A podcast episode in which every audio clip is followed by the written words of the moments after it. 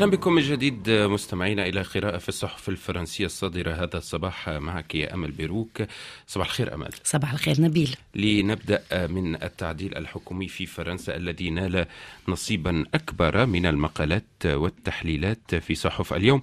ولقد قمت بجولة فما هي أبرز العناوين التي جاءت حول هذا الموضوع بالذات أمل؟ نعم آه، نبيل نبدأ من صحيفة لوموند التي نقرأ فيها هذا العنوان التعديل الحكومي الوجه اليميني لإيمانويل ماكرون وحملت افتتاحية لوموند عنوان العودة إلى سنوات ساركوزي. أما صحيفة لو فيغارو فعنونت صفحتها الأولى ماكرون يفرض على اتال فريقه وأجنداته وفي مقال نشرته لو فيغارو نقرأ العنوان التالي الحكومة الجديدة صورة للصمود المكرونية. صحيفة ليبراسيون عنونت صفحتها الأولى التصفية الكاملة ليسار المكرونية. أما صحيفة لاكروا فتساءلت من سيحمل مشروع قانون الموت الرحيم بعد التعديل الحكومي؟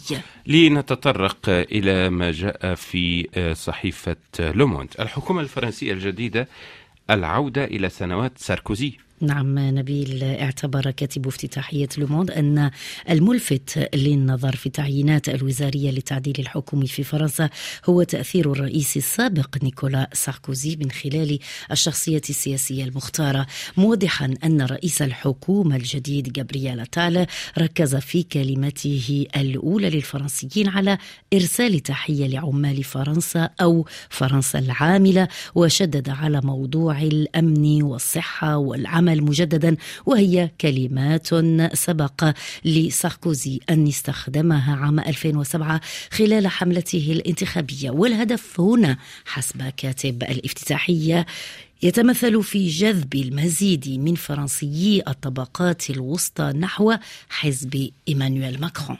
موضوع آخر تكرر أو تكررت عناوينه في عدد من مقالات الصحف الفرنسية وهو المخاوف من امتداد الصراع في البحر الأحمر بعد الضربات على الحوثيين. صحيفة لقوى نبيل أوضحت أن قوة الحوثيين وإصرارهم يثيران مجددا مسألة روابطهم مع إيران مما يعزز المخاوف من اندلاع حريق إقليمي وعلقت الصحيفة أن هذه المخاوف الإقليمية والدولية لا تهم الحوثيين. وحسب غريغوري جونسون الخبير في شؤون اليمن في معهد دول الخليج العربية في واشنطن يرى أو تعتبر الحرب شيء جيد بالنسبة للحوثيين لأنها تقويهم في مواجهة أعدائهم على المستوى الداخلي حسب تعبيره. وفي صحيفة ليبراسيون نقرأ أن هجمات الحوثيين على السفن في البحر الأحمر وكذلك الضربات الأمريكية البريطانية على الحوثيين ستؤدي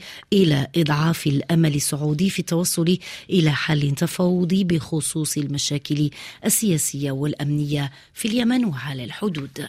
الجيش الأمريكي أمام تحدي الحروب المتزايدة هذا عنوان لتحقيق نشرته صحيفة لوموند وتحقيق من توقيع إليز فانسون التي كتبت أن واشنطن تحشد قوتها على جميع الجبهات وهو ما سيؤدي إلى تفاقم نقاط الضعف في أجهزتها العسكرية في فترة سياسية وجيوسياسية محورية وهامة جدا يمر بها العالم.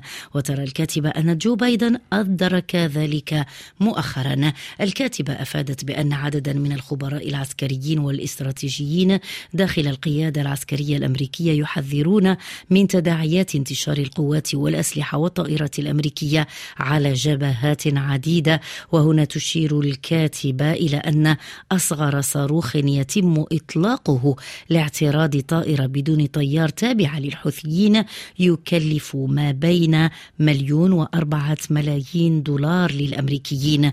ويبدو أن بايدن تقول كاتبة التحقيق يحاول حشد حلفائه الذين لا يتسابقون. في الوقت الحالي للانخراط في مسرح عمليات محفوف بالمخاطر على ما يبدو حسب تعبير إليز فانسون أما المؤرخ إيمانويل تود يقول في مقابلة مع صحيفة لوفيغارو نحن نشهد السقوط النهائي للغرب.